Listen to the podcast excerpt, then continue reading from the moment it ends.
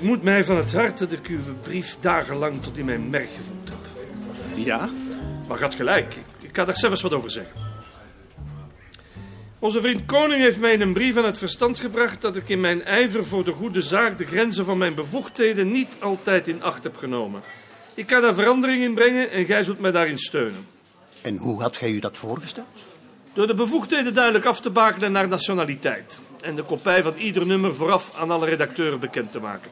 Gij hebt hem met uw brief in het hart getroffen. Dat lijkt mij een zeer goed principe. Ja? Omdat hij niet gewend is zo te worden toegesproken.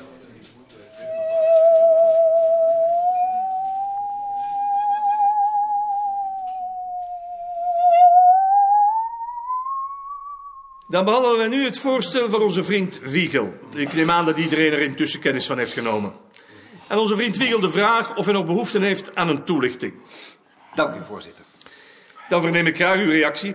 Ik voor mij vind het een zeer goed voorstel. En dat ernstige overweging verdient. Meneer voorzitter. Ik geef het woord aan onze vriend Koning. Ik, ik vind het ook een goed voorstel. Ehm, ik vind het alleen eh, te vroeg om er nu al over te beslissen. Omdat we zonder een voorbeeld de consequenties niet kunnen overzien. Mijn voorstel is daarom om aan de Wiegel en de Broekaire te vragen om voor het eerste nummer van de volgende jaargang een proeven van een dergelijke rubriek in te leveren en hen uit te nodigen om die in de redactievergadering die nu dan aan dat nummer vooraf zal gaan te komen bespreken. Hoe denken onze vrienden Wiegel en de Broekeren over dit voorstel? Ik geloof niet dat zoiets op onze weg ligt. De enige plaats waar men een volledig overzicht heeft van wat er op ons vakgebied verschijnt, is het bureau van de heer Koning. Je bent natuurlijk welkom. Dat waardeer ik. Maar ik vrees dat ik daarvoor geen toestemming krijg van mijn werkgever. Is dit nu niet een mooi werkje voor Muller? Of Asjes? Ik heb nou niet de indruk dat die zo verschrikkelijk veel om handen hebben. Meer dan je denkt. Nou, daar is dan niet veel van te merken. Meneer de voorzitter, ik vind de suggestie van buitenrust Hettema uitstekend. En ik sluit me daar graag bij aan. Er is maar één plaats waar zo'n overzicht gemaakt kan worden en dat is het bureau. Meneer Koning, Ik zal het bespreken. dan horen wij het nog. Dan komen we nu op het laatste punt van de agenda. En dat is het voorstel van de Vlaamse redacteuren om het aantal boekbesprekingen drastisch te beperken. En uw lengte terug te brengen tot, laat ons zeggen, een halve bladzijde. We kunnen ze dan samenbrengen in het laatste nummer van elke jaargang. En de zo gewonnen ruimte benutten voor artikelen. Toen wij dit voorstel overwogen, kenden wij het voorstel van onze vriend Wiegel nog niet. Nu dat er ligt en wij dus binnenkort over een volledige literatuurinformatie gaan beschikken, heeft het nog aan actualiteit gewonnen. Moet ik daaruit opmaken dat er voor een artikel als dat van Koning over het boek van Kipperman en Van der Meulen in uw nieuwe opzet geen plaats meer is? mits aanzienlijk korter.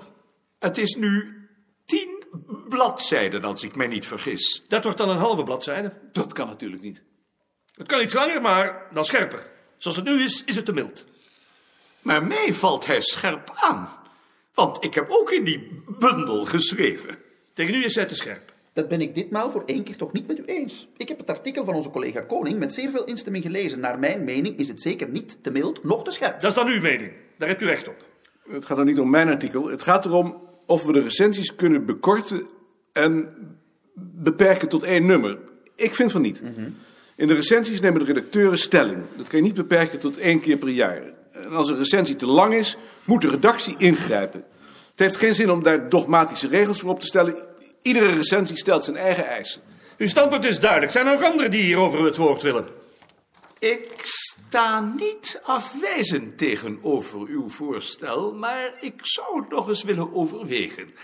Ik onthoud mij dus dit keer van een oordeel. Dan breng ik het in stemming. Wie van u steunt het voorstel van de Vlaamse redactie om voortaan de recensies te beperken tot het vierde nummer en uw lengte te bekorten tot een halve bladzijde? Ik ga voor één keer naast u staan. Dan is het voorstel verworpen. Gij ziet, ik ben een democraat. Nou, we zijn weer vrienden. Wij zijn nooit vijanden geweest. En dat worden wij ook niet. Als u dat zegt. Dat zeg ik. Jij was niet in je beste doen vandaag, had ik de indruk. Ik ergerde me aan dat voorstel van Wiegel. Dat vond ik nou juist een heel goed voorstel. Ik vind dat je zo'n voorstel niet kunt doen als een ander voor het werk opdraait. Oh, dat zou me nou geloof ik niets kunnen schelen. Daar heb je toch mensen voor? Dat laat je doen. Vroeger had ik juffrouw de Vletter daarvoor. Maar je had raar gekeken als een ander daar beslag op had gelegd. Dat weet ik nou nog zo net niet. Ja, ze moeten natuurlijk niet mijn eigen plannen doorkruisen. Maar dat liet is ook wel uit hun hoofd. Wat bezielde jou nou om Pieters zo toe te spreken? Ach, daar zijn die Belgen gevoelig voor. En als je zo'n man daar nu een plezier mee doet... Je hebt hem ontroerd. Ja, dat kan ik wel. Ik had tenminste de grootste moeite om me goed te houden. Ik bedoel maar. Je kunt niet in Antwerpen zijn geweest zonder mosselen te hebben gegeten met een pint geuzenbier. Ja, ik heb alleen al gegeten. En nu nog iets. Hoe staat het met je proefschrift? Het wordt nu echt wel tijd. Ik ben daar nog niet aan toe. En want ik kom hier dan naartoe, want als je te lang wacht, is het te laat. Daar ben ik niet bang voor. Ik vind dat je pas proefschrift moet schrijven als je daarin gelooft. Ik Zoals de Fransen, die pas aan het eind van hun leven een proefschrift schrijven. vind hem wel elegant. Ik hou er niet van. En von Humboldt. Die is ons door Springvloed ten voorbeeld gesteld omdat hij pas aan het eind van zijn leven alles wat hij wist gepubliceerd heeft. En toch hou ik er niet van, maar je moet het zelf maar weten. Tante heeft het weer eens gezegd.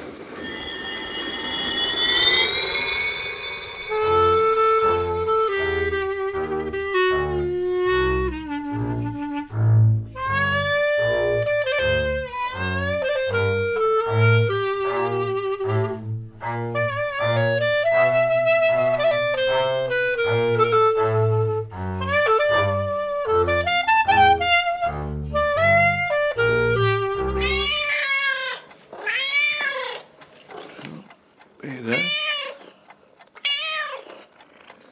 Ik slaap niet hoor. Hoe was het? Verschrikkelijk. Ik je ontzettend naar drank. Heb je zoveel gedronken? Gaat wel. Als je morgen maar geen hoofdpijn hebt. Nee. Waarom was het dan verschrikkelijk? Ach, ik kan dat niet. Ik kan absoluut niet met mensen omgaan. Het hoeft toch ook niet. Tuurlijk moet dat. Ik moet me toch handhaven. We handhaven hier maar niet.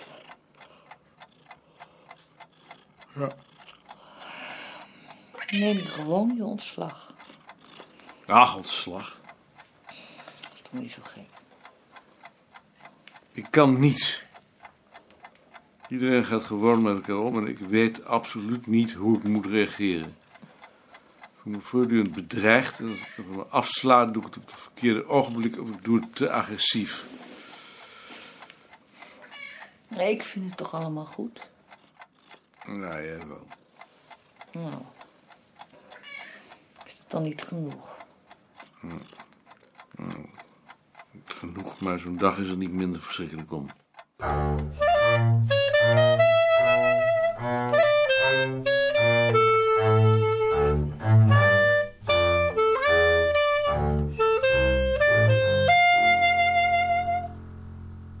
Hoe was het, zaterdag?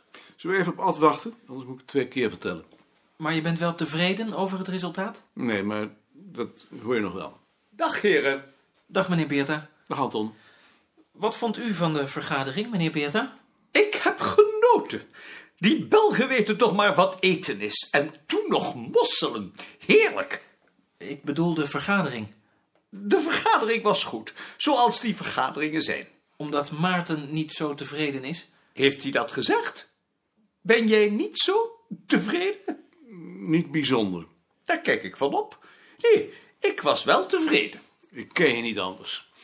En Pieters die bakzeil heeft gehaald. Ik had niet gedacht dat ik dat nog ooit zou meemaken. Heeft professor Pieters bakzeil gehaald? Wat je bakzeil noemt. Oh, ik stel me er niets van voor, maar dat kun je ook niet verwachten. Het gaat om het g- gebaar. Nou, meneer Beerta. Dag Anton. Dag, Ad. Daar Bart. Nou, Dag, Goedemorgen. ik. Freek. Dag Freek. Ik ben eigenlijk wel benieuwd hoe het zaterdag is afgelopen. Eh, om te beginnen heeft Pieters dus bakzeil gehaald. Dat, dat meen je niet. Jawel, het is nu zo geregeld dat wij beslissen over de bijdrage van de Nederlandse auteurs. En dat de redactie, voordat een nummer naar de drukker gaat, bijeenkomt om te praten over de volledige kopij. Dat is toch meer dan je had verwacht? Ja. Bovendien is een nieuw voorstel van Pieters om alle boekbesprekingen terug te brengen tot een halve bladzij en onder te brengen in het vierde nummer van elke jaargang afgestemd. Wat kan hij daarvoor reden voor hebben gehad? Dat weet ik niet. Het enige wat ik kan verzinnen is dat de meeste recensies van ons komen en dat hij daar niets in ziet, omdat ze te kritisch zijn. Of God weet waarom. Het was een idioot voorstel. Ik begreep ook niet wat daar de bedoeling van was. De heer Beerta heeft zich dan ook onthouden van stemming. Ja, ik heb me onthouden van stemming. Nee. Waarom hebt u dat dan gedaan? Omdat ik niet kon weten dat Pieters een nederlaag zou leiden. Maar dat is toch verschrikkelijk wat u daar zegt? Waarom is dat verschrikkelijk? Omdat u zelf net zegt dat u het een slecht voorstel vond. Dat vond ik ook. Maar je moet er altijd voor zorgen dat je niet in het kamp van de verliezers komt. Want dan bereik je niets meer. En dat vind ik nou verschrikkelijk. Daarmee doet u uzelf onrecht. Ach, zo gauw doe je jezelf geen onrecht. Maar ga eens door. Maar voordat dat voorstel van Pieters werd afgestemd, is er een voorstel van Wiegel aangenomen dat voor ons veel ingrijpender is. Want Wiegel wil voortaan in ieder nummer een overzicht van de belangrijkste literatuur, boeken en tijdschriften met korte samenvattingen. Dat vond ik nu wel een goed idee. Ja, dat is wel een goed idee, maar wij moeten het uitvoeren. Nee, dat heb je toch zeker geweigerd? Ik heb geprobeerd om het te weigeren. Ik heb gezegd dat Wiegel dat dan maar zelf moest doen, samen met de broekair. Maar Wiegel vond dat het werk van ons bureau.